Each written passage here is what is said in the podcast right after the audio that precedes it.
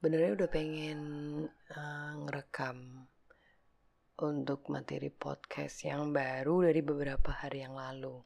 Tapi karena emang musimnya lagi nggak bersahabat, jadi agak demam dan pilek gitu. Nah, suaraku tuh kalau pilek, kalau bindeng gitu ya, kalau hidungnya buntu, itu beneran.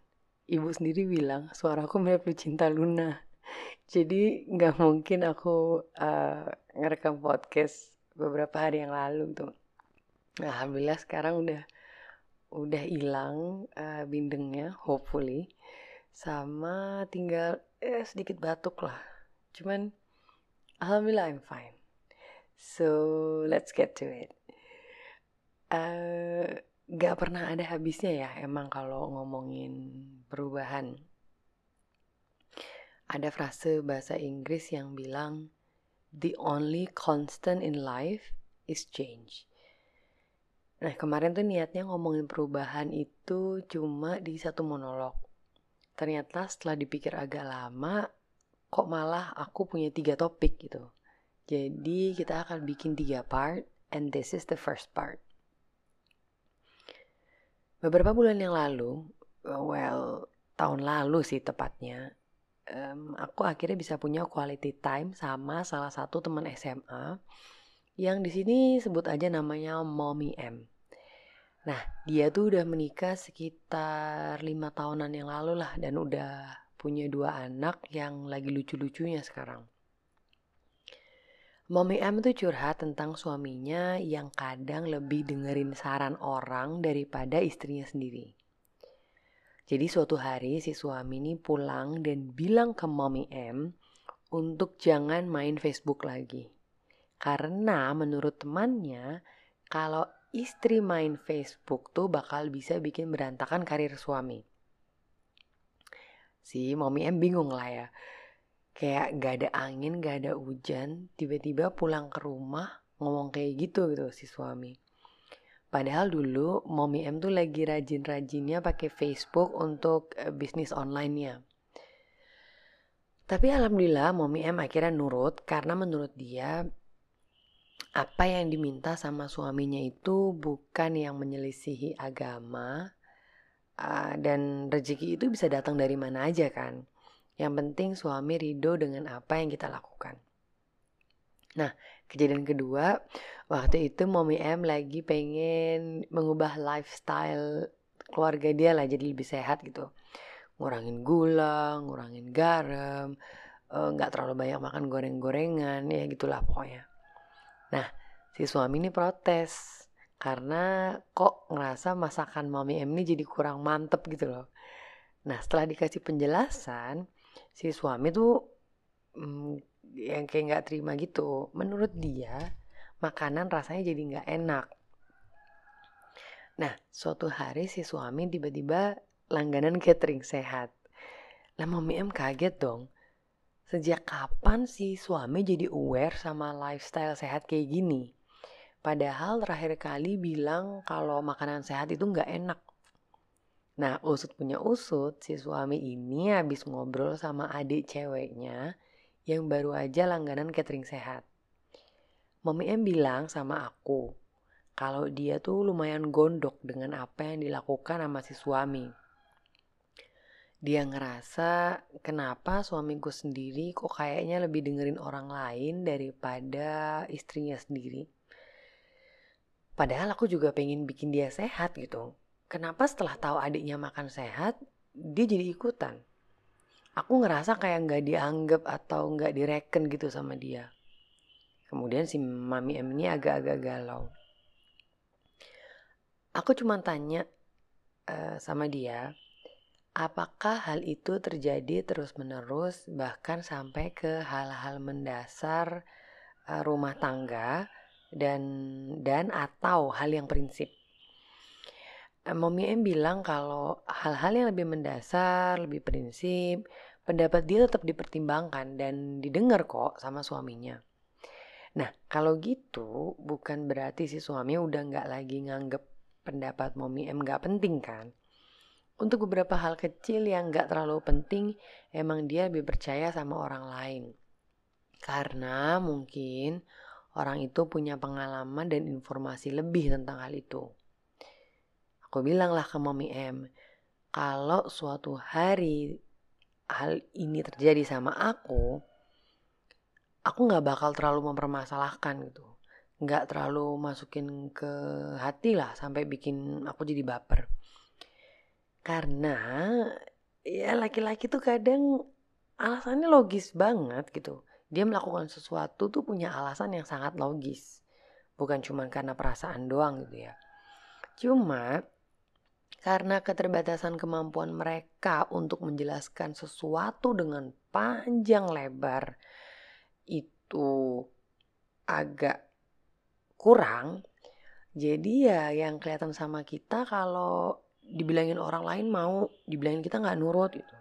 Padahal ya nggak se dalam banget itu alasannya alasannya akan akan logis dan simpel aja gitu jadi solusi yang aku kasih ke mami M waktu itu adalah syukuri aja alhamdulillah si suami masih mau dengerin orang lain selama itu membawa kebaikan nggak usah terlalu dipermasalahkan dari siapa datangnya dari istrinya dari saudara dari teman kajian teman gym dari gurunya, anybody. Syukuri aja, alhamdulillah tugas kita jadi lebih ringan. Malah kalau tahu dia lebih dengerin adiknya untuk beberapa hal, ya deketinlah adiknya, minta tolong untuk ngomong ke suami. Sambil terus berdoa, uh, dilembutkan hati suami supaya bisa lebih mudah dengar masukan kita. Udah jangan overthinking yang enggak-enggak, nanti malah bikin semuanya berantakan. Lo kan belum nikahnya, kok bisa sotoy ambil kesimpulan kayak gitu? Nah, aku tuh punya prinsip gini. Enggak perlu pegang api untuk tahu kalau api itu panas. Cukup tanya sama yang udah lebih dulu tahu dan kita coba improvisasi sendiri dengan style kita. Aku banyak belajar tentang praktek berumah tangga dari the one and only, eh the two ding, Dundut dan uh, Mamin Chu, alias komisaris dan wakil komisaris keluarga Dragon Ball. Nah, ibu adalah istri yang lumayan tahan banting ya menurutku. Ini beneran nih, aku sampai pernah bilang sama ibu, kok tahan sih sama bapak yang kayak dingin banget gitu.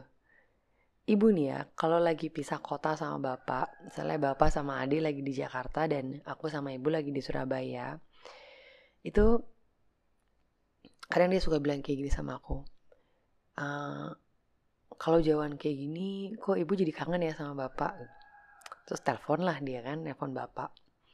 Nah, itu tuh pertama kali diangkat setelah ngucapin assalamualaikum gitu ya. Ibu langsung bilang kayak gini Mas, aku kangen loh sama Mas.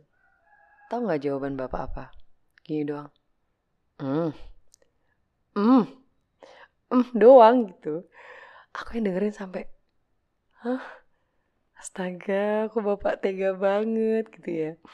Kayak aku tuh, aku kalau ada di posisinya ibu tuh pasti bakalan baper banget. Terus yang ngerasa nggak disayang gitu kan. Kok kok nggak dibales sih omongan kan namanya cewek ya pasti pengen lah dibales sama maksudnya cewek sebagai seorang istri gitu ngomong kayak gitu tuh pengen lah dibales sama suaminya kayak ya yeah, I miss you too atau gimana gitu ya nah cuman ya udah gitu aja bapak aku tanya sama ibu uh, dan ya, kayak gitu ya kok ibu nggak baper bapak cuman gitu doang nggak ngerespon gitu dan dengan santainya ibu bilang Ya bapakmu kan emang gitu. Dia nggak bakal bilang, iya aku juga kangen ibu gitu. Tapi nanti kalau ibu kelamaan di Surabaya nih, bapak akan bilang, bapak akan nelpon dan ya ngomong santai sih, bilang gini, ibu kapan pulang?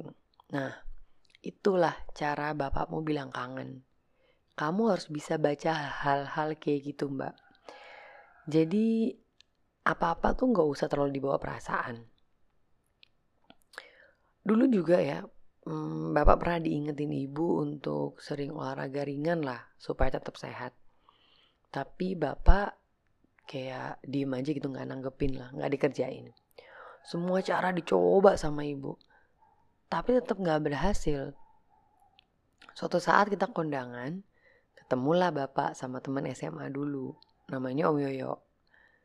Ya cuma simpel aja bilang ayo no ikut sepedaan. Masuk komunitas lah kita sehat bareng-bareng. Udah tua-tua jangan nggak gerak. Tahu nggak?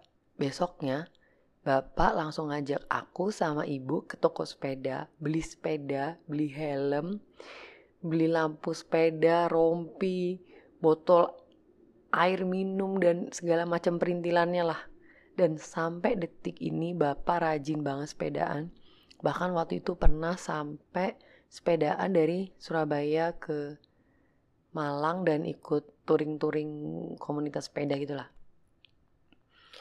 Aku tanya sama ibu, Bu, bapak kok gitu ya? Ibu suruh olahraga nggak dengerin. Begitu Om Yoyo ngomong, langsung aja gercep. Lagi-lagi ibu cuman jawab santai dan simpel. Lah, alhamdulillah toh, bapak mau jadi suka olahraga. Di mana masalahnya? Yang penting kan tujuan ibu tercapai. Dulu ibu cuma suruh bapak olahraga, tapi nggak kasih masukan olahraga apa. Terus juga nggak ada temennya kan bapak. Nah, sekarang melalui Om Yoyo, bapak ngerasa ada teman sebayanya yang punya komunitas rajin olahraga. Ya mungkin dia nggak mau kalah. Dan hitung-hitung kan lumayan bisa sekalian silaturahmi. Mungkin pertimbangannya bapak itu. Wes tah, yang penting sekarang bapak mau olahraga. Gak usah terlalu dipikirin ribet. Kebayang gak sih kalau waktu itu ibu ngomel ke bapak, baper, karena ngerasa selama ini omongannya gak dipedulikan dan pendapatnya tuh kayak gak didengar gitu. Terus bilang bapak lebih dengerin orang lain lah, lebih percaya orang lain lah gitu. Yang ada malah Bapak akhirnya jadi males ngapa-ngapain karena menurut Bapak ribet. Buat Ibu, selama bawa perubahan yang baik, nggak usah dipermasalahkan dari siapa datangnya omongan itu.